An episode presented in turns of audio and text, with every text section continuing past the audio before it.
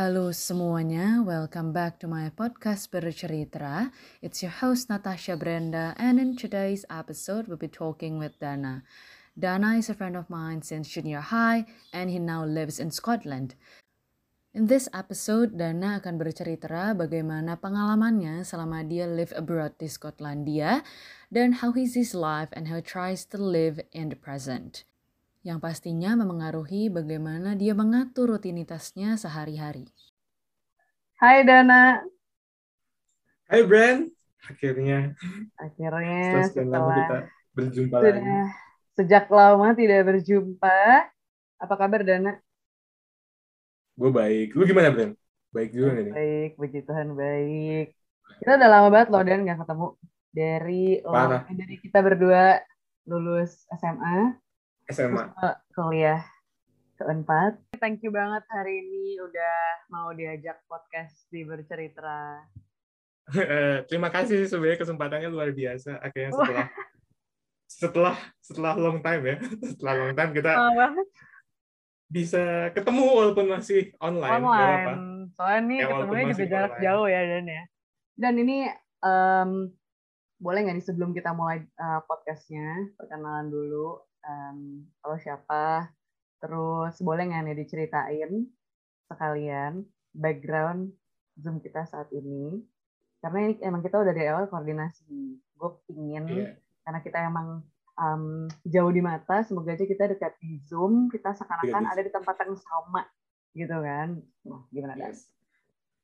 Ya, jadi perkenalkan buat teman-teman yang mungkin belum pernah tahu siapa saya gitu ya. Nama saya Dana. Nama lengkap saya Sean Profi Dana Moleti. Mungkin uh, kalau teman-teman uh, kuliah lebih kenal gue tuh Sean. Jadi emang gue gue waktu kuliah tuh dan waktu kuliah di sini juga gue perkenalkan diri gue tuh Sean karena lebih gampang di luar negeri. Sean tuh it's lebih normal bukan lebih normal maksudnya uh, akhirnya pada suatu titik gue merasa nama gue tuh banyak banyak ininya gitu banyak kesamaannya karena kan kalau di Indonesia kayak Sean tuh agak-agak hmm, agak agak terlalu aneh kan ya. Dipanggilnya Sean gitu kali ya. Iya kan jadi Sean.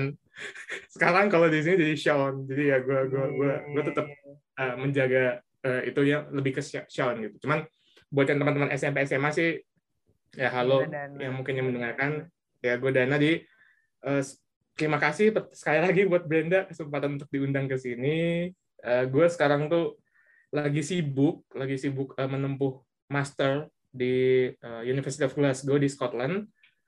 Gue ngambil Master of Biotechnology uh, dan sebelum gue ngambil master S1 gue di Universitas Pajajaran gue ngambil biologi. Jadi emang masih nyambung kan ya dari biologi ke bioteknologi gitu. Itu sih paling kesibukan gue sekarang selain belajar hmm, nulis, gue tuh seneng banget nulis, nulis terus paling yang yang lagi gue pengen uh, bawa lagi itu adalah foto. Gue udah lama banget nggak moto-moto uh, gedung dan lain sebagainya. Jadi gue pengen mencoba mengeluarkan sisi kreatif gue lagi gitu. Karena gue iya, iya. gue butuh itu. Dan uh, konsepnya menarik sekali sih waktu Brenda bilang kayak uh, pilih pilih aja satu background gitu ya terus terus kepikiran tuh kayak apa ya background yang seru ya gue mikir gue mikir oh iya mending gue kasih ini aja nih background yang bling bling gitu kalau misalnya bisa dilihat kan bling bling Uh, ini sebutannya The Cloister, salah satu salah satu tempat di uh, kampus gue. Okay. Kampus gue tuh kalau kalau teman-teman pada nyari gitu ya, University of Glasgow itu kan kampus gue. Itu bangunannya lumayan tua. Mungkin kalau teman-teman penggemar Harry Potter dan semacamnya gitu ya yang banyak yang, yang suka lihat kastil, ini salah satu tempat yang cocok untuk melanjutkan studi. Soalnya kastil banget lah uh, univnya gitu. Ini lu sekarang Cuman salah satu kampus lo ya, lu ambasadornya ya? Iya, iya. Bentar lagi tolong dihubungi. Dihubungi, tolong. cuman cuman memang kelemahan kelemahan bangunan tua bangunan lama itu adalah kesannya jadi gloomy kan kayak hmm. kayak gloomy gloomy gitulah cloister itu adalah salah satu tempat yang menurut gue identik dengan keceriaan karena biasanya kalau orang wisudaan foto hmm. fotonya itu pasti cloister kalau ada yang baru datang pertama kali biasanya ada juga tertarik kayak foto di Cloister. Bahkan bisa foto pre-wedding kalau ada yang tertarik itu bagus banget. Cloister kayak is the best place lah untuk for all occasion itu Cloister salah satu nah, Tapi dan apa setiap maksudnya kayak apakah setiap waktu dia tuh kayak gini gitu loh kayak dengan lampu-lampu oh. yang di pilarnya itu. Oke. Okay. Uh, sebenarnya nggak setiap waktu sih. Kalau untuk lampu-lampunya lebih ke arah kalau udah malam. Kalau okay. kalau pagi sampai sore ya seperti gloomy biasa lagi. Oke, okay, berarti yeah. orang ke situ seringnya malam gitu ya. Sore malam tuh udah. Sore malam. Oh. The ambience somehow jadi different begitu yeah. ada lighting gitu ya. Hmm. Iya. Okay. Terus gitu. jadi sesuatu yang apa ya? memorable buat orang-orang karena seakan-akan kayak awalnya datang ke sini untuk foto, pas di akhir juga foto di sini juga gitu ya. Benar. Jadi kayak oh. diawali dengan kebahagiaan, ditutup pula dengan kebahagiaan. Gila, gila, kan gila. Salah satu Aduh. salah satu yang yang, yang yang yang yang kita ingat kan pasti awal sama akhir kan, walaupun kita juga masih ingat, ingat perjalanan di tengahnya ya. ya. Cuman ya biasanya orang paling ingat awal akhir jadi ya. That's a great uh, great way to start the journey and great way to end the journey. I see. Nah, dan boleh nggak nih um, diceritain dong, maksudnya kayak um, gimana tuh awalnya lo bisa sampai kuliahnya di Glasgow? Ah, oke. Okay. Uh, jadi gue tuh baru lulus sebenarnya 2021 awal. Mm -hmm. Gue tuh lulus bulan Januari uh, setelah menempuh perjalanan skripsi yang lumayan lama. Karena gue harus bolak-balik ambil data mulu kan ke Pangandaran. Gue selesai satu tahun untuk skripsinya maksudnya 2021 eh, awal gue lulus, di situ kan sempat kepikiran tuh. Biasalah habis lulus kepikirannya antara kerja lanjut kerja lanjut kan kan gitu iya. kerja lanjut kerja lanjut terus di satu sisi gue ngelihat nih apa yang lagi dalam tanda kutip booming hmm. waktu itu uh, baru ya kita tahu lah ya, sekarang covid kan booming booming banget kan 2021 awal tuh kayak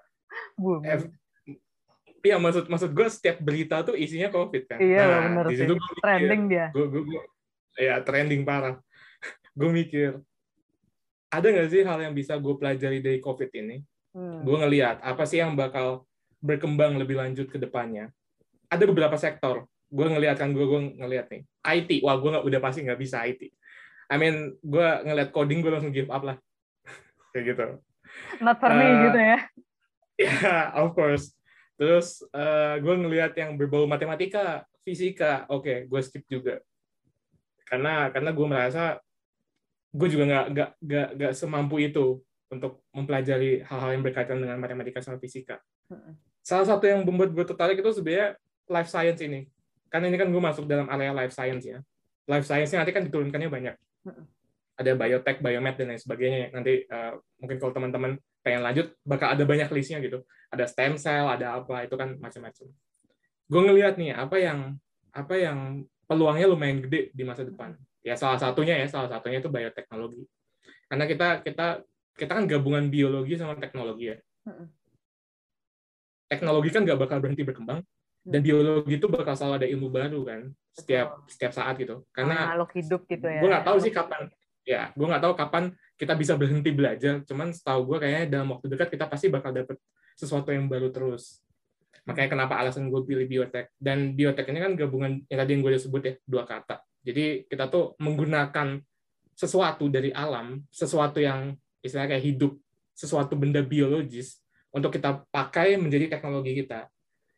Ya yang sederhana mungkin kalau yang suka minum wine yang suka minum bir itu kan semua pakai biotek ngebuat alkohol yang ngebuat ya. apa. Nah fermentasi dan lain sebagainya. Itu sederhananya aja. Kalau mau lebih rudet pembuatan vaksin obat dan lain sebagainya hmm. itu kan hmm. juga biotek dan salah satu industri yang besar di dunia itu kan industri farmasi.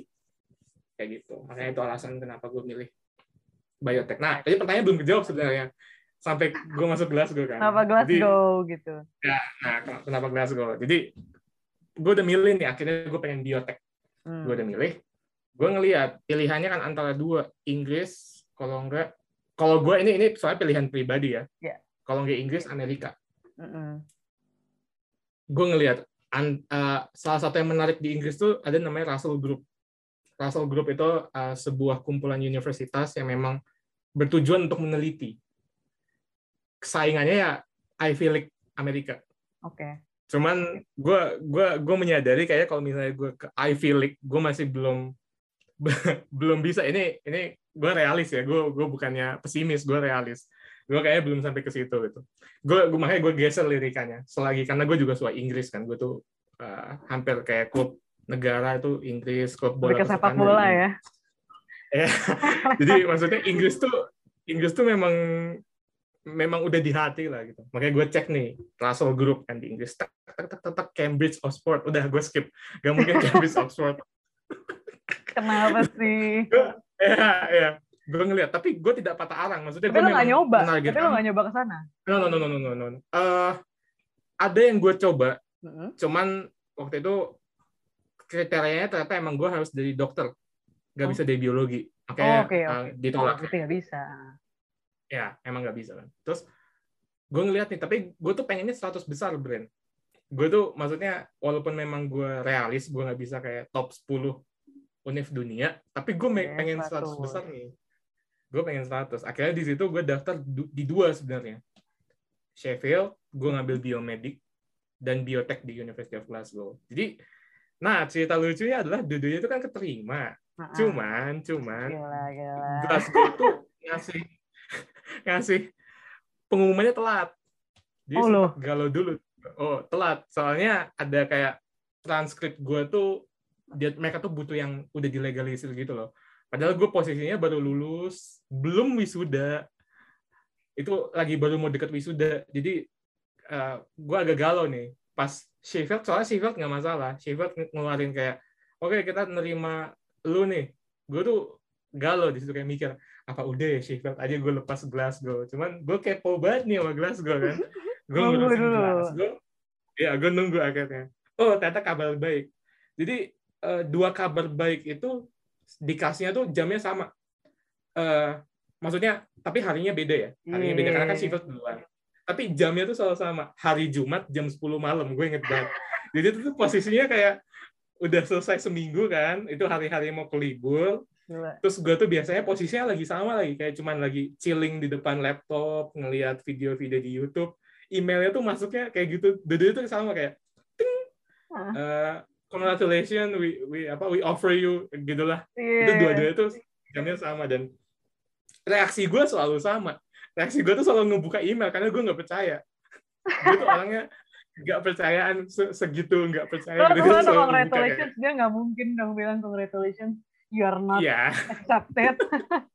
iya kan gue juga mikirnya gitu cuman Tapi pengen ini ya. aja pasti. biar memastikan Iya, iya. memastikan takutnya congratulations apa gitu kan di bawahnya kan beda nggak tahu Bener bener bener. bener. gue buka eh, dua kali itu reaksi gue sama gue buka langsung gue ke orang tua gue yang dua kali itu juga sama udah lagi pada tidur udah pada capek kan kayak ngurusin eh, covid ini kerjaan mereka kan dan dua kali itu juga eh, reaksinya juga sama sih pada seneng nah pas yang Glasgow ngeluarin ini mulai ada pertanyaan tuh jadi pilih yang mana Mm-mm. karena kan gue harus milih Iya gitu. betul. Akhirnya akhirnya gue pilih eh, Glasgow. Akhirnya karena ya yang pertama tadi kan gue udah sebut ya, gue ke Sheffield tuh biomedik, kalau ke Glasgow bioteknologi. Jadi bioteknologi itu spektrumnya lebih luas dibanding biomedik. Karena kalau biomedik dia langsung spesifik ke med- medical kan. Obat-obatan farmasi gitu lah ya. Ya, Oke. biotek juga bisa ke situ. Tapi Cuman lebih- biotek juga bisa kayak eh, kayak tadi ke bir, ke wine atau mungkin Iya, yang lain itu juga makanan, minuman segala apa. Ya, Iya. ya, ya. itu itu masih bisa spek Berarti bahkan sampai kayak misalnya material sekarang kan banyak kayak vegan leather gitu-gitu itu termasuk itu ya? Ada ada dari ada dari bioteknya cuman kalau yang di gua di di di, di Glasgow itu emang spesi specifically lebih ke molekuler sih Bren. Oh, jadi, Jadi ada kerucutnya lagi. ada kerucutnya lagi. Cuman memang bisa aja kalau kita eh, pengen ke arah yang arah yang komersil gitu ya. Kayak gitu. Cuman memang yang gue pilih itu specifically-nya ke eh, molekuler. Gen dan lain sebagainya. I see. Nah terus dan eh gue gue punya pertanyaan nih kan eh lo itu setahu gue orang tua lo gue lupa salah satu atau dua-duanya dokter. Dua-duanya, dua-duanya. Iya terus nah gue punya pertanyaan kenapa dari awal nggak pilih dokter? Ini ini mungkin pertanyaan klise tapi gue penasaran nih. pertanyaan itu bakal selalu gue jawab sama sih. Gue dari awal milih dokter kok. Oh SBM gitu. gue tuh SBM gue biologi pilihan ketiga. Oh, I see. Dua di atas dokter. Terus jadi waktu waktu gue tuh ingat banget gue keterima SBM itu gue abis baru pulang dari jalan-jalan. Pokoknya abis baru balik dari jalan-jalan. Jumat jam 10 malam kayak itu. Malamnya gue gue lupa sih. Pokoknya malam juga Bren, malam juga nih pengumumannya. Iya. gue soalnya baru nyampe rumah malam gue baru nyampe rumah malam Eh gue eh, pas abis dari liburan itu gue nyampe rumah gue hal pertama yang gue lakuin tuh ngebuka pengumuman SBM Hmm. dan sebenarnya rencananya adalah minggu depannya. Jadi gue tuh wah gue pulang juga hari Jumat nggak ya? Gue lupa. Kalau nggak Jumat Sabtu deh. Gue lupa gue lupa ini beneran cari. itu. Ya Kayak Jumat kalau hari kalau parah. Kalau kalau nggak Jumat Sabtu gue pulang. Itu tuh sebenarnya Seninnya gue tuh mau ngetes kedokteran swasta di Maranatha. Oh, jadi udah oke. kayak udah kayak persiapan kan kalau nggak lulus kayak gitu. Bukan pesimis ya realis. Gue tuh orang tua gue soalnya realis juga. Jadi pas nyampe di kamar gue gue buka tuh set. Biasa kalau lu buka SBM garisnya kan dua ada garisnya gitu kan. Lu lu pernah tahu gak sih? Nggak tahu. jadi pengumuman pengumuman SBM tuh ada garisnya. Kalau keterima hijau kalau ditolak merah nah di bawah itu Ah. ada kotak kayak keterimanya ke mana gitu Iya, iya, iya. gue buka hijau terus gue diem hijau Hijau. hijau. Gue lihat ke bawah. Yang keterima memang pilihan ketiga biologi kan. Hmm. Di situ eh, kembali lagi mikir kayak tadi keterimanya kan di, di dua itu. Nah sekarang tuh mikirnya adalah apakah diambil atau nyoba dulu nih ke Maranatha. Jujur ya, jujur gue blindly blindly eh, made a decision bahwa gue oke gue pilih ke Unpad aja. Gue beneran buta itu sebuta itu kalau misalnya gue bisa jelasin tuh kayak gue nggak tahu mau ngapain setelah lulus dengan gue ngambil biologi sebenarnya. Cuman gue tak gue gue memang pada beberapa istilahnya kayak pilihan-pilihan besar dalam hidup gue tuh gue tuh nggak bisa jelasin kenapa gue milih. Cuman Hmm.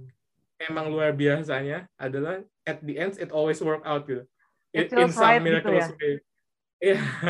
And I don't know why, cuman ya cuman memang memang Tuhan sebaik itu gitu di kehidupan gue. Jadi akhirnya gue gue memilih uh, biologi, gue jalanin tuh kan. So, uh semester satu gue beneran beneran down parah, gak ngerti gue soalnya. Pusing Soalnya dan seluas itu kan, biologi itu seluas itu. Gue kira kayak ah biologi masih dekat lah ya sama kedokteran biasa, biasa kayak dia paling ya deket plus minus lah. Pas dikasih semester ajaran Bu Siska masih masuk nggak tuh ketika kuliah? Aduh, ajaran Bu Siska masih, cuman lebih luas lagi, Bren, parah. Lebih banyak lagi. Itu ya. kayak Iya, kayak kita belajar kan jatuhnya belajarnya hampir semua ya. Tumbuhan, hewan, bakteri, jamur, Hmm. dia emang dipelajari semua kan. Mm. Itu gue sempet agak, IPK-nya agak down lah semester 1, 2,45 kalau gue nggak salah ingat. Itu udah itu paling rendah gue di titik di situ. Gue lulusnya 3,3. Wah, gue ngejar parah sih. genjotnya 2,45. pasti berat ya.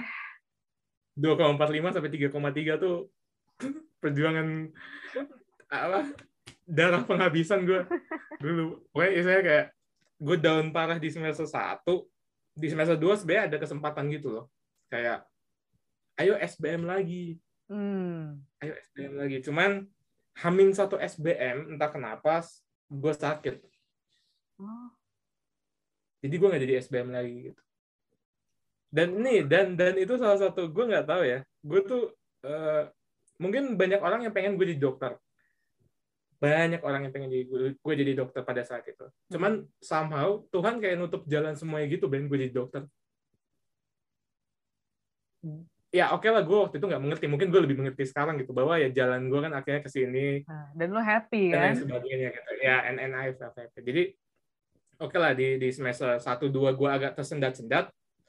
Mulai tuh gue gue kejar sampai semester akhir. Nah di semester akhir gue juga agak tersendat lagi karena lumayan banyak hal lah yang jadi komplikasi di skripsi gue gitu.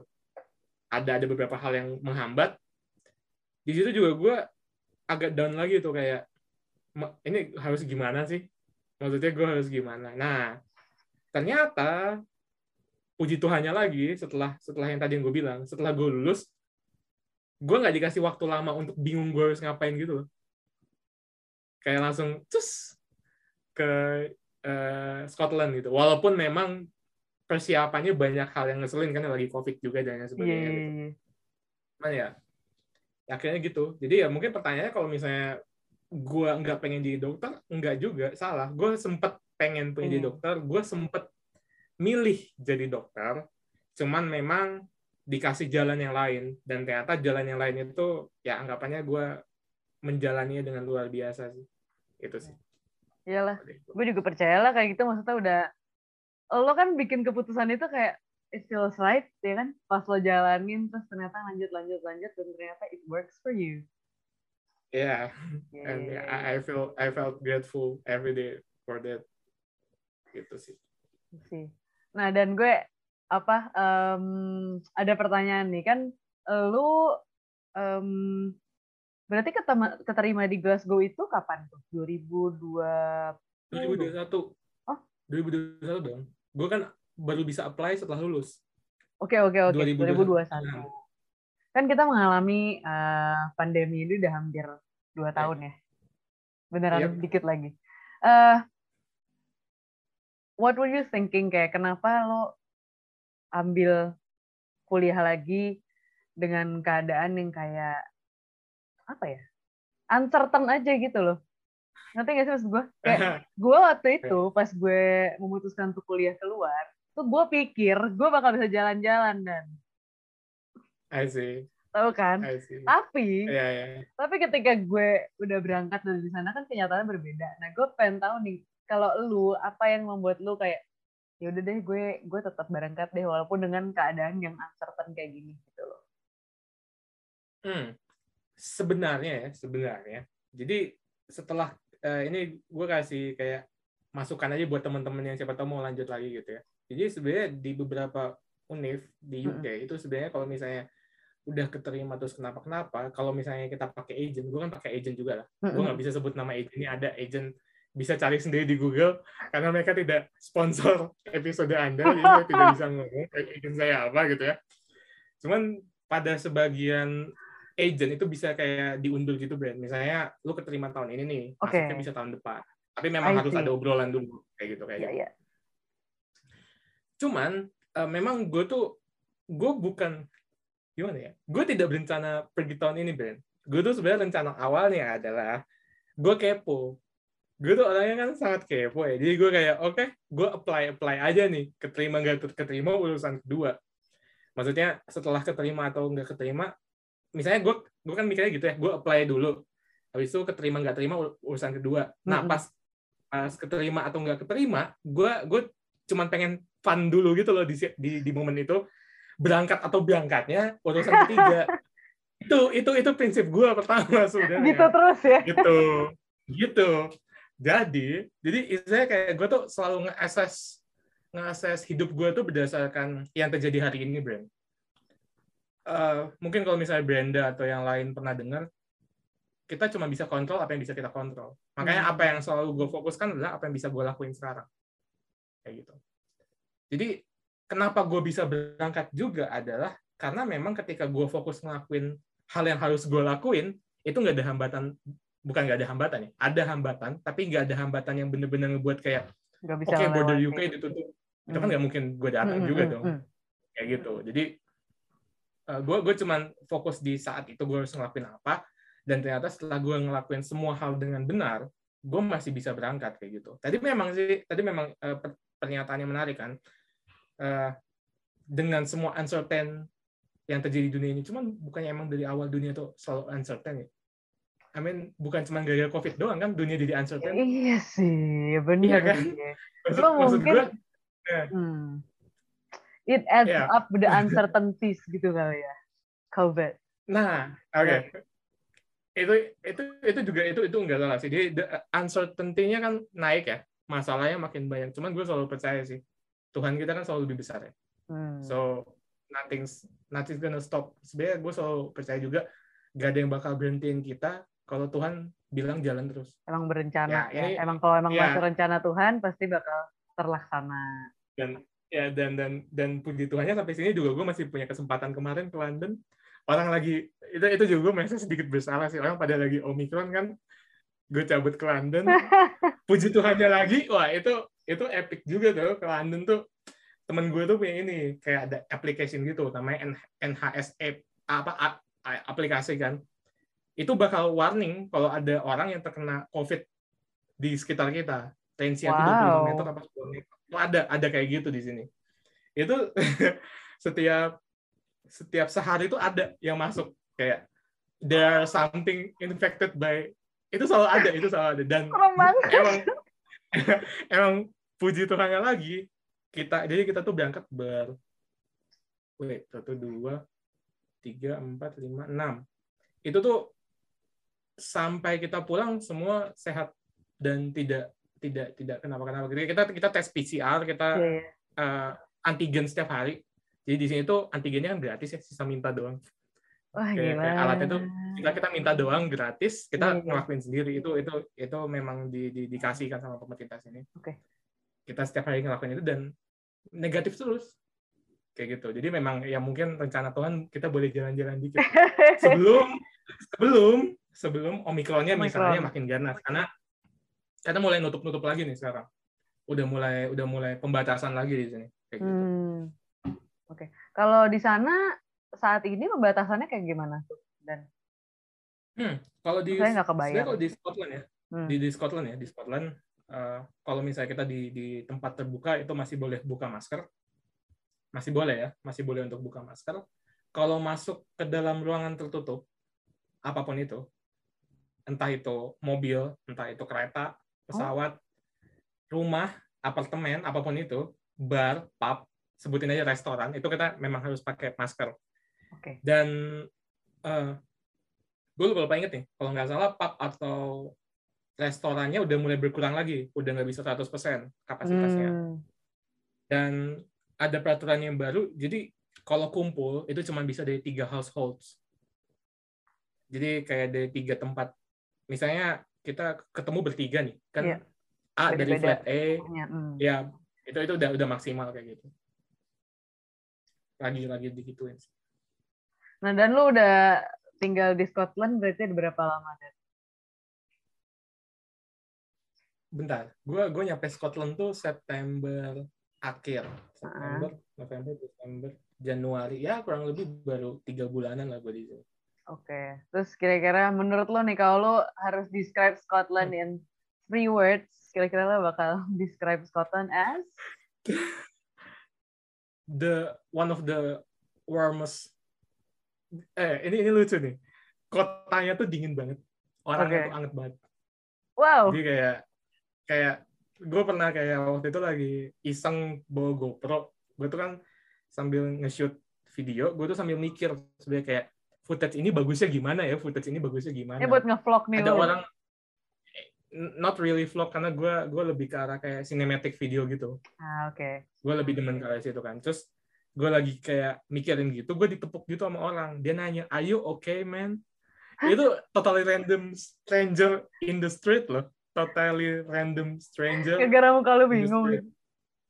iya agak-agak gue muka gue tuh bingung karena gue lagi mikir footage ini bagusnya gimana ya? Footage ini naruhnya gimana ya? Nah itu apa kayak gitu. Terus eh, ada juga satu kesempatan kayak dia di sini klub bolanya itu kan Celtic sama Ranger ya. Terus habis itu gue lupa salah satu lagi main gitu terus menang kan selebrasi nih. Eh, dia datang ke gue terus eh, kayak seneng gitu kayak kayak ngerayain nama gue padahal gue juga stranger ya gue nggak tahu dulu siapa. Gak kenal ini. Jadi emang se, se sehangat itu orangnya. Cuman kalau kotanya nih ya kotanya itu salah satu hal yang harus dibawa kalau ke sini memang tolak angin sih. It's, it's one big windy city it's totally windy. Jadi kalau misalnya di sini tuh sebenarnya gue nggak masalah sama dingin ya Bren kayak silakan mau kasih gue minus minusan di sini silakan asal Angin. asal kalau bisa nggak ada angin Iya sih. anginnya tuh aduh Itu angin tuh rasanya kayak kasih menusuk gambaran. dan gue gue ngasih gambaran suhu bisa satu misalnya hmm, feels like-nya bisa sampai min tiga gak angin. Gila sih, iya sih. Jadi memang seangin itu, sedingin itu.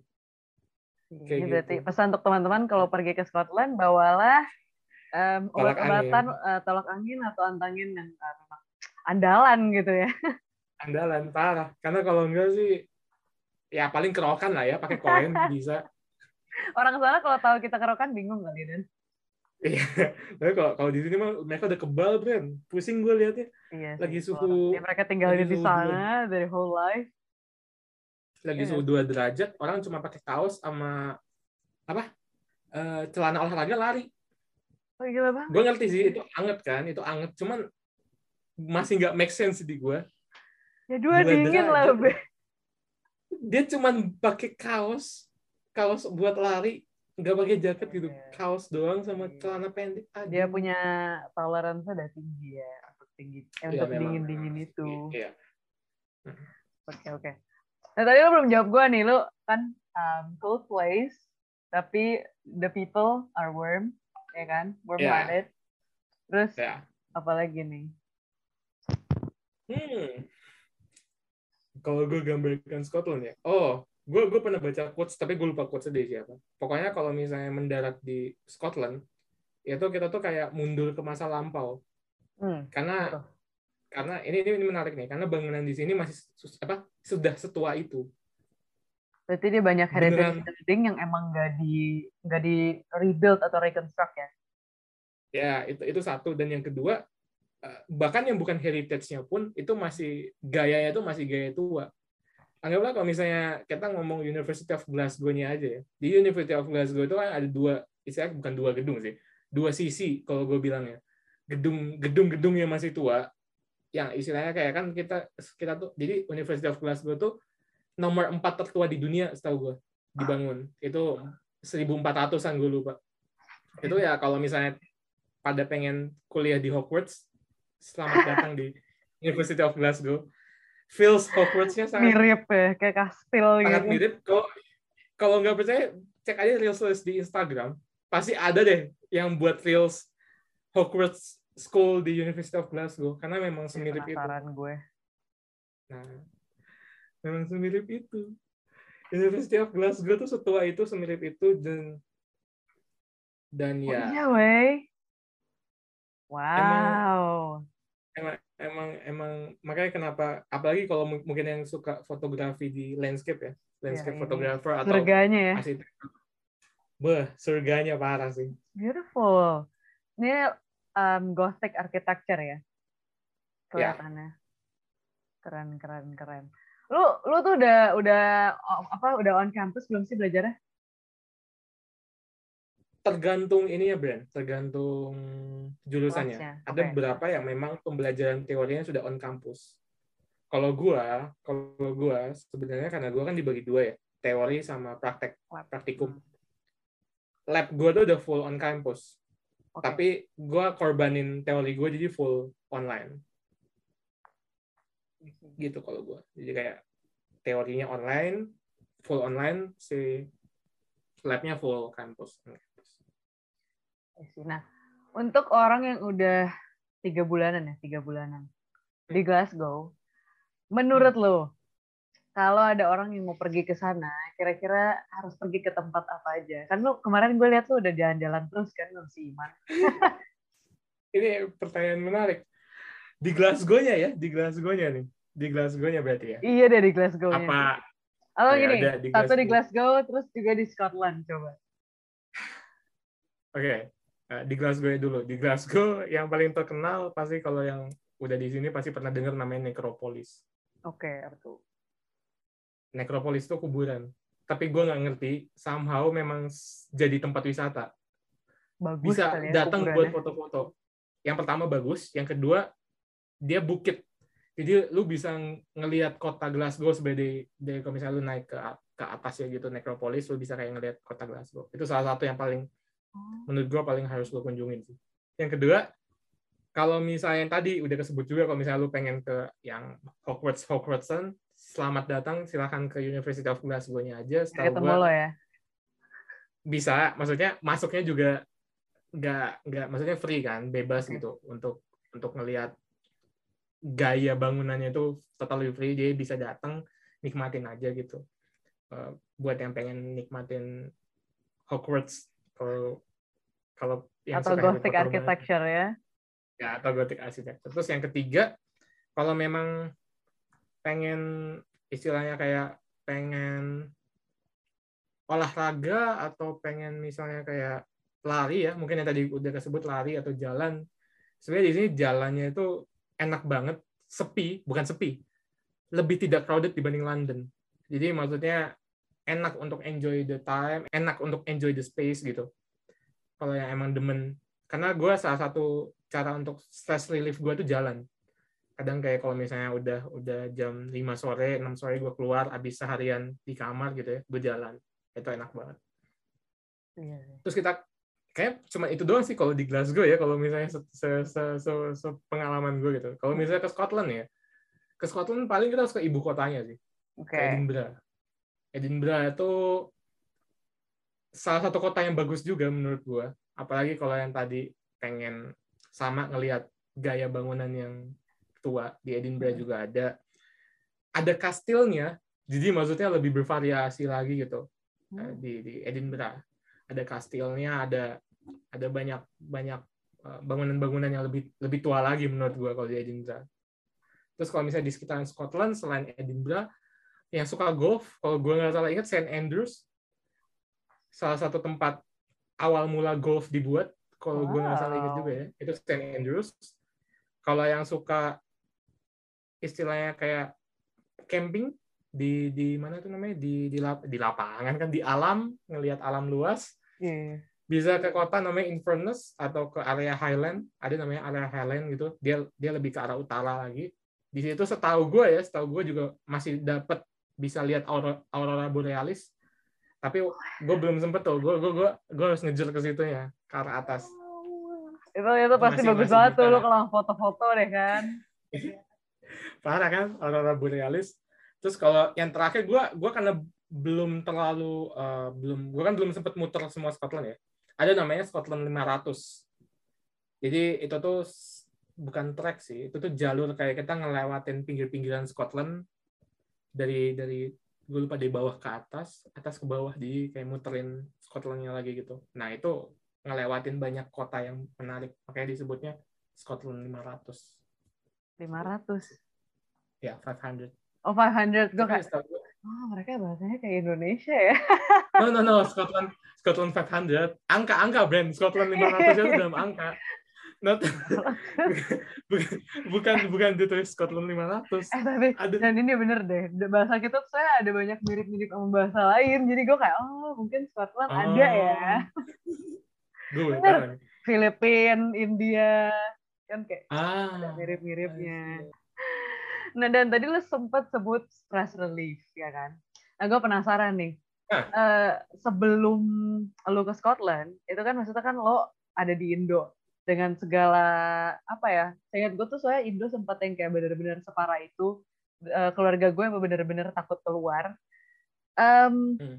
what do you do kayak how how do you cope with the stress gitu loh? What is your version of self care selama di Indo? Waduh ini menarik sih. Self care ya? Self care self care mungkin gue gue nggak tahu ini self care atau bukan. Cuman gue punya cara untuk gue tidak dalam tanda kutip tidak gila gitu. Selama gue di Stress lockdown. reliever ya? Ya satu cara yang gue lakuin adalah gue ngelakuin hal yang sama setiap hari. Di jam yang sama. Kayak gue ngebuat jadwal. Oh jadi kayak ada rutin ya setiap hari? Ya gue gue buat sebuah rutinitas yang setiap hari harus gue lakuin Kenapa? Karena gue tahu, gue kalau dikasih pilihan gue yang stres. Kayak gue harus ngapain ya? Terus kalau misalnya gue tahu gue nggak nggak punya pilihan gue harus ngapain, gue stres tuh.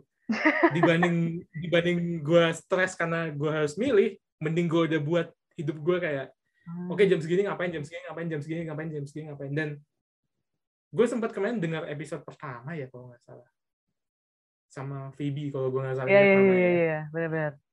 Gue yang lucunya adalah di, di rutinitas itu ternyata gue menemukan freedom gue nggak hmm. merasa terkungkung sama rutinitas gue gitu dan itu hal yang selalu gue bilang sih ke, ke semua orang yang berencana pengen buat rutinitas juga ya. Hmm. Karena orang kalau buat jadwal tuh kesannya kayak, aduh, kayak kayak penjara ya, kan kayak. Iya, lu kayak apa sih kayak artis aja lo ada ada jadwalnya Iya. gitu ya. Atau maksudnya kayak kayak kita kita takutnya jadi malah terbebani kan, jam segini harus belajar, jam segini gimana. Hmm. Nah, gue berusaha buat jadwal.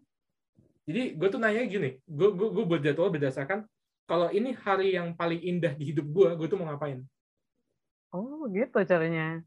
gue buat jadwalnya lebih ke situ. Jadinya ketika gue lihat jadwal gue, gue pengen ngelakuin apa yang udah gue gua tulis di jadwal gue. Hmm. Instead of gue lari dari jadwal gue gitu. Karena dulu jadwal gue, gue maksudnya ini bukan kali pertama lah gue buat jadwal. Gue dari kecil tuh udah sering buat jadwal. Hmm. Cuma selalu nggak gue taatin. Kenapa? Karena setiap kali gue lihat jadwal gue, gue stres. Itu jadwal jadwal yang istilahnya kayak yang ngebuat Kewajiban kan ngelihatnya lo. Iya, istilahnya kayak gue gue ngeliat jadwal itu malah gue pengen gue nggak punya jadwal. Makanya gue gue Hmm. selalu bilang ke orang-orang yang yang buat jadwal adalah buatlah jadwal itu se not really pretty tapi senyaman mungkin gitu. loh. Karena jadwal itu kan kita yang buat. Misalnya kayak Kita yang buat kita yang buat, buat kita. untuk kita kan. Bener. Iya kan maksudnya bisa dilihat lah seberapa kok gue nggak tahu sih ini kalau gue sota ya cuman seberapa besar kita sayang sa- terhadap diri kita tuh juga bisa dilihat di jadwal kita Hmm. seberapa balance gue nggak bisa bilang maksudnya bukan balance sih seberapa seberapa kenal kita dengan diri kita tuh juga bisa kita Benar. lihat dari jadwal kita Bener, bener, bener, bener. kayak gitu makanya Gue bener sih, gue gitu gue gue beneran bisa relate dengan itu walaupun gue sama ini gue nggak pernah bikin jadwal untuk maksudnya kayak gue hari ini ngapain apa tapi gue beneran bisa relate bahwa kalau kita emang bikin kita yang bikin jadwal buat diri kita sendiri artinya kita em, yang pasti pertama kita harus kenal diri kita bener nggak lo harus tahu Iya. kira-kira lo sehari ini lo ngerasa produktif tapi habis itu lo kecapean setengah mati sampai bener-bener kayak udah nggak ada rest sama sekali nggak bagus artinya karena lo bikin lo kenal diri lo, lo bikin balance dalam hidup lo, dan yang terakhir menurut gue menarik adalah having something to look forward to. Iya. Iya kan? Ini menarik Itu- ini. itu itu gue juga kaget sih gue gue gue nggak nyangka kayak gue menemukan itu freedom loh bayangin gue menemukan freedom Dalam di saat jadwal. hidup gue seakan-akan iya terkungkung. Aneh nggak? Aneh. Cuman nggak Iya. tahu itu itu cara gue itu cara ultimate gue lah selama di cuman itu sih sebenarnya cuman itu yang yang gue lakuin selama di di lockdown 6 bulan. Itu yang membuat gue tetap stay sane gitu. Tetap Tapi kira-kira apa gila. yang lu selipin ke dalam situ? Maksudnya kayak, oke pasti kan ada tuh kegiatan-kegiatan setidaknya yang Hmm. entertaining buat lu, stress reliever, kan nggak semuanya produktif kan pasti. gitu. Oke. gue setiap hari selalu menyelipkan olahraga Ah, karena gue yakin di dalam tubuh yang sehat terdapat jiwa yang kuat mensana incorporate sano gila parah banget ya gue masih ingat banget mensana incorporate sano gue selalu menyelipkan olahraga di di di hari-hari ya. hari-hari gue minimal 30 menit lah kalau nggak sanggup sejam dua jam. Minimal 30 menit that's fine. Itu yang selalu gue gue, gue masukin itu yang pertama gue masukin Pagi. olahraga. Yang kedua eh gue lebih ke arah sore sih Oke. kalau gue ya. Gue lebih tipe yang ke arah sore atau malam olahraga. Jadi habis olahraga Kalau bisa tidur. melakukan kegiatan ya. gue gue lebih ke situ. Karena gue kan maaf gue nggak bisa minum kopi. Kalau gue olahraganya pagi tenaga gue habis duluan gue udah pernah nyoba tuh gue nggak pengen ngapa-ngapain lagi nih makanya gue langsung oke since jamnya gue nggak bisa di jam pagi gue gue ganti makanya di sini juga gue nge-gym biasanya jam 11 malam Bren kayak abis udah Buset Kelar. dan. jam 11 sampai jam 12 biasanya kayak udah kelar semua baru gue nge-gym kayak gitu Ah, Nah, olahraga ya olahraga tuh selalu gue masukin yang pertama yang kedua gue tadi udah gue bilang sih di awal gue demen nulis gue udah bilang kan di awal Hmm. Iya, iya bener Ya. bener. Ah, nulis apa tuh Dan? Tadi gue mau nanya. Yang sekarang lagi gue garap tuh ada buku. Cuman gue nggak tahu nih gue inceran gue setahun dua tahun sih kelar. Buku dalam bahasa Inggris.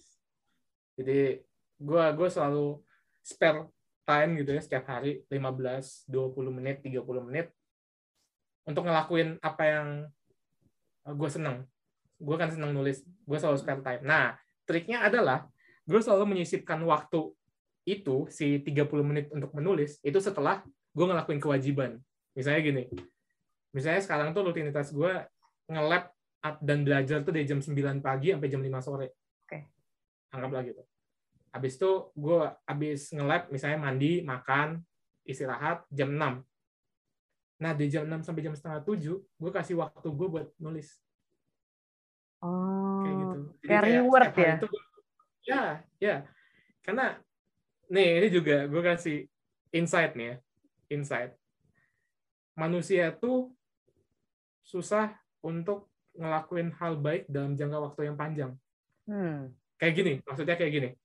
Itulah kenapa disiplin kayak misalnya kita olahraga setiap hari dan lain sebagainya hal yang positif kayak belajar setiap hari itu susah. Lebih gampang kayak kita main game setiap hari itu lebih gampang loh dibanding kita belajar setiap hari. Iyalah orang Iya enak. nggak sih? Santai. Nah, nah, alasannya di situ.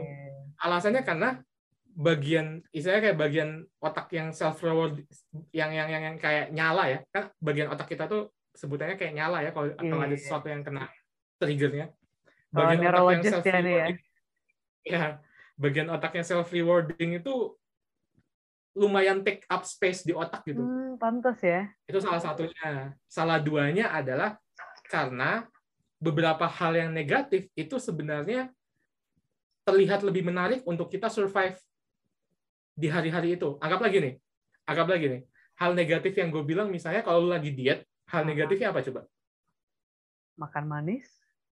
Ya, makan manis, misalnya minum manis gitu. Tapi kalau kita lihat, untuk bertahan hidup kita butuh kalori kan? Di situ Iya. otak otak purba kita sebutannya ada otak kada otak reptil sebutannya otak reptil kita bakal ngambil alih kayak udah makan aja makanan manis nggak apa-apa lu butuh bertahan hidup Oh gitu ya. Oh, nah, mulai nah. menghalalkan segala cara ya.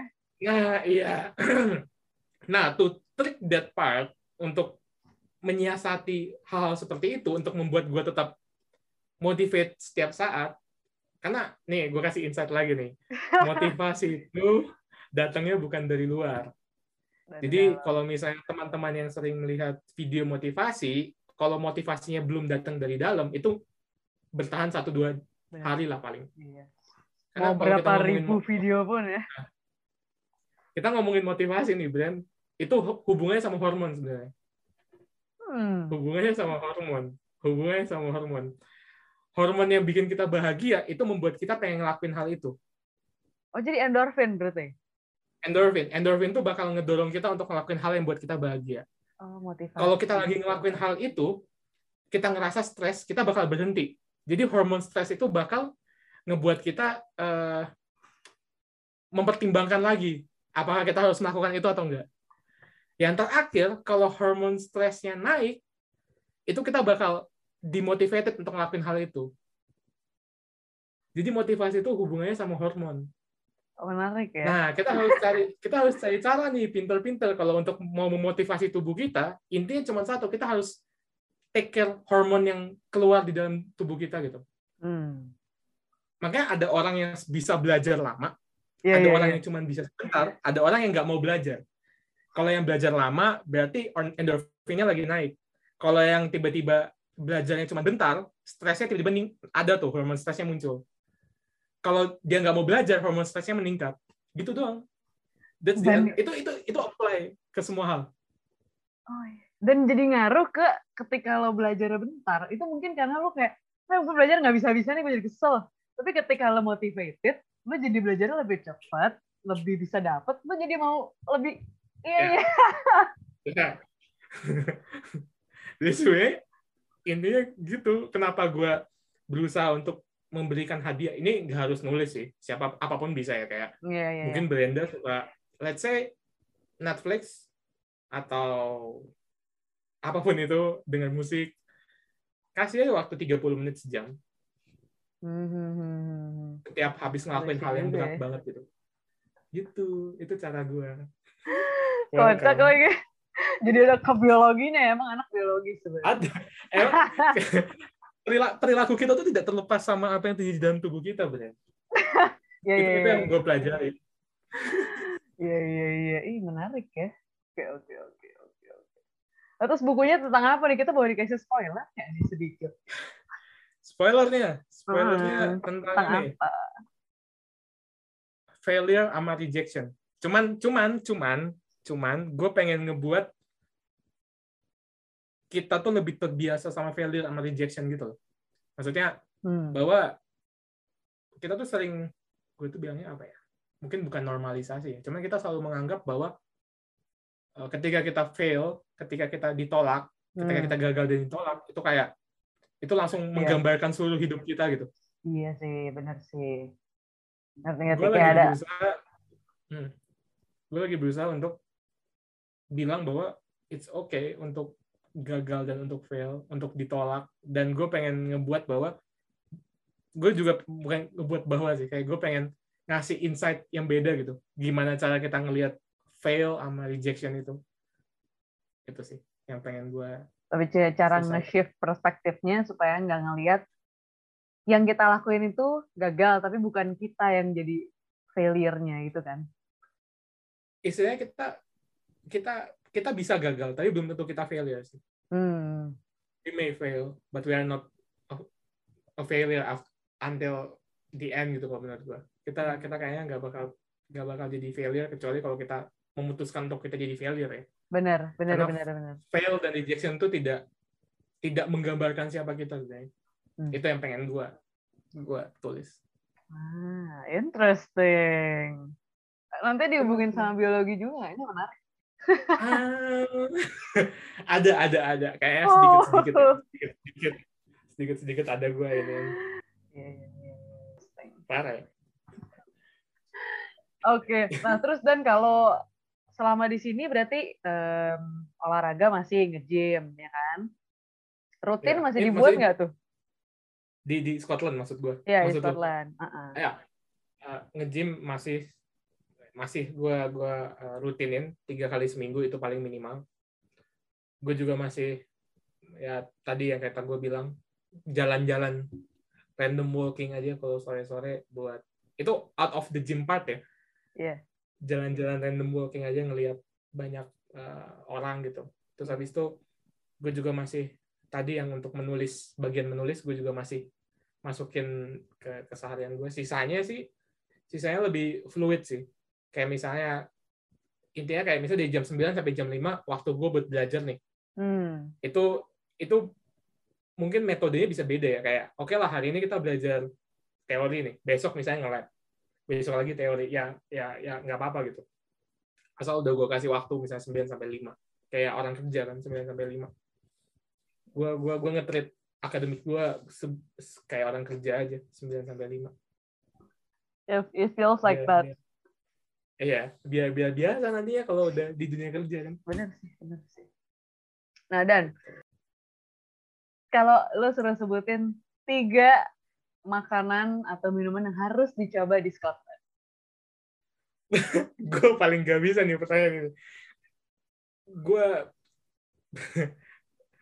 minuman ya, gue lebih ke arah minuman sih. Kalau makanan soalnya gue jarang jarang makan makanan. Jadi kayak makannya sama kayak restoran western aja, be. Brand di oh. Indo kayak misalnya makan steak, makan okay. hamburger, Oh. Pasta ya maksudnya itu kan bukan dari Scotland kan jelas yeah, kayak gitu. Kalau kalau gue sih lebih ke arah minum sih. Okay. Hmm, yang pertama karena di sini banyak penyulingan bir. Mm-hmm. Jadi menurut gue ada beberapa bir yang istilahnya kayak lumayan enak lah. Ada nama mereknya Tenants itu dari Scotland penyulingannya dari Scotland. Kalau menurut gue ya lumayan oke. Okay. Terus yang kedua jelas karena di sini sangat dingin kembali nomor dua juga minuman beralkohol mungkin wine wine wine gitu ya gue gue udah ini langsung jadi 18 plus aja podcastnya yang ketiga liquor yang ketiga liquor jelas ini tuh alkohol kamu jahat tapi enak lu ya dan iya jelas. Oh kalau di sini nggak jahat Ben. Di sini baik kan? nggak jahat ya. Karena untuk hangat kan? Iya. Itu sih tiga itu. Kalau kalau makanan apa ya? Fish and chips pernah coba? oh, fish and chips. Lah makanan khas gua... Scotland tuh apa? Scottish. First Scottish Scottish. Jujurnya jujurly sampai sekarang gue nggak tahu. Jujurly gue marah loh gue gue nggak tahu nanti mungkin setelah podcast baru gue cari tahu atau lu lagi cari tahu nih Um, 10 traditional Scottish foods to try. Scotch pies, Scottish porridge, porridge. Oh, Um, Scotch pie, gue pernah nyoba Scotch pie. Apa tuh isinya? Eh, yang waktu gue dapet kayak selai apel gitu sih. Cuman emang beda. Gue nggak ngerti pie-nya. Dia tuh waktu itu gue perayaan Natal gitu, Bren. Di di di di, di gerejanya tuh kayak ngasih ngasih makanan Pie. gitu karena kita kan Oh. datangnya sore. Dikasih Scotch pie gitu. Nih. Ada namanya namanya Cullen Skink. Tahu nggak lo? I have no idea itu apa. Ini ini menurut menurut Google ya. Terus udah gitu Iya, nomor iya. empat deep fried Mars bars. Oh coklat digoreng. Coklat digoreng, gue belum pernah nyoba sih. Cuman gue Menarik lihat ya, boleh coba tuh kayak aneh. Nah dan lu ini kan orangnya setidaknya dari yang lu bilang eh, soal rutin, setidaknya kan gue bisa get the idea bahwa lu tahu what matters to you, what is important to you ya kan. Lu tahu caranya lu bisa being productive, caranya trick your own self bahkan untuk jadi produktif dengan motivation and hormones tadi. Kira-kira kalau lu eh, bisa ngomong ke diri lo sendiri lima tahun lalu atau lima tahun ke depan, kira-kira lu bakal ngomong ke yang mana? Pertanyaannya, oke. Sekarang udah bisa milih ya. Boleh, Lima boleh, boleh. Hmm. Kayaknya sih ke lima tahun ke depan sih. Oke, apa tuh? Kira-kira bakal Karena ngomong? maksudnya ke ke lima tahun ke belakang kan gue nggak bisa ngubah hal yang udah terjadi ya. Eh, ini kan cerita kita berandai-andai. Bisa Oh, ya. travel. Gak apa-apa, gue tetap Oh, tuh, oh, realis. Jangan lupa. Gue realis. gue realis. Lima tahun ke depan. Ini lu berarti lu denger lagi podcast gue ya? Benar, tenang. Ternyata gue gue gue gue simpen episode ini buat lima tahun lagi. Yuk, Nggak usah lima tahun lagi, Bren. Setiap gue ngerasa down, gue dengerin aja terakhirnya. Wah, keren. Bagus. Ini bagus. Iya kan? Motivasi yang bagus. Oke, gimana tuh? It's not going to be easy. Udah. Oh, It's itu not going to be not going Iya. to be easy. I mean, kalau dia easy, dia nggak worth it. Dan maksud gue dia itu nggak harus orang ya, apa pun Iya. itu. Makanya kalau misalnya itu salah satu reminder gue sih yang bakal gue ingat. It's not going to be easy. Hmm. It's not going to be easy. Dan gue punya pertanyaan nih. Tiba-tiba kepikiran. Dan gini, eh kan it's not going to be easy. Kalau Ya. nggak susah, itu berarti nggak worth it.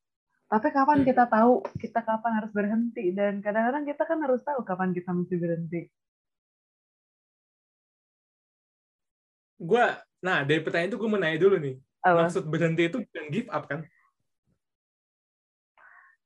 Kalau give give up up, ya gua- berarti. Bahasanya Oh, no, give no, up ya. no, no. Nah, kalau give up berarti gak bakal ada kata berhenti di hidup gue. Karena gue selalu berusaha never give up. Kecuali konteksnya beda nih, lu harus nambahin konteks dong, Ben. Anggaplah, anggaplah mau apa nih, orang misalnya, ngejar orang gitu, atau apa, maksudnya apa. Konteksnya harus di... Oh, Soalnya, gue, gue, gue kalau ngerti, gue umum- ngerti. Gini-gini dan gue rasa gini. Oh, lu berarti dalam apa pun dalam hidup lu, lu bakal hajar terus. Never, Gitu kan? never give up. sampai akhirnya ya udah emang yang dari yang lu perjuangin ini apa pun itu ya udah emang ternyata lu menunjukkan kalau ya udah that's it. Emang gak bisa. Gitu bukan? Yang penting lu udah nyok Nah. bener-bener usaha sekeras mungkin. Jelas. bukan masalah give up masalah emang ya udah udah nggak udah nggak bisa diperjuangin lagi. Kok jadi sedih? Kok jadi kayak curhat? Em, oh enggak ya kalau kalau kalau bentar bentar. Kalau nggak bisa diperjuangin lagi itu gini. Aduh gue gue harus wait gue gue mikir bentar nih ya karena ternyata makin spesifik pertanyaannya makin susah gue jawabnya. Eh nggak spesifik loh. Apa pun itu. Iya iya. Kalau tadi apa? Makin nggak bisa diperjuangin lagi ya lu tuh bukan menyerah tapi lebih ke lu udah perjuangin secara maksimal tapi yang lu perjuangin udah emang udah gak bisa diperjuangin lagi ngerti nggak oh jadi bukan lu putar balik Oke, emang udah oke. buntu Oke, kalau kalau kalau hasilnya adalah rejection atau failure, kan tadi gue udah, gue udah bilang kan, buku gue kan soal re- rejection atau failure kan. Opsinya cuma dua, opsinya cuma dua, apa apa apa opsinya, opsinya cuma dua. Karena setelah kita memperjuangkan sesuatu dan kita dapat hasilnya uh, rejection atau failure, opsi apa pun yang kita ambil bakal nyakitin diri kita sendiri, Brand. Hmm. Either hmm. you still chasing it, either you let it go. Dua hal itu tetap bakal ngerasa sakit banget gitu di hidup lo. Iya benar. Kalau dari gue adalah gue pilih sakit mana yang gue nyaman gue lakuin. Aduh. Karena gue selalu berusaha adalah sesakit apa pun gue, life still going on. Life hmm. has, maksudnya life hidup itu tetap harus ya. berlanjut gitu. Jadi gue bakal pilih sakit mana yang gue nyaman.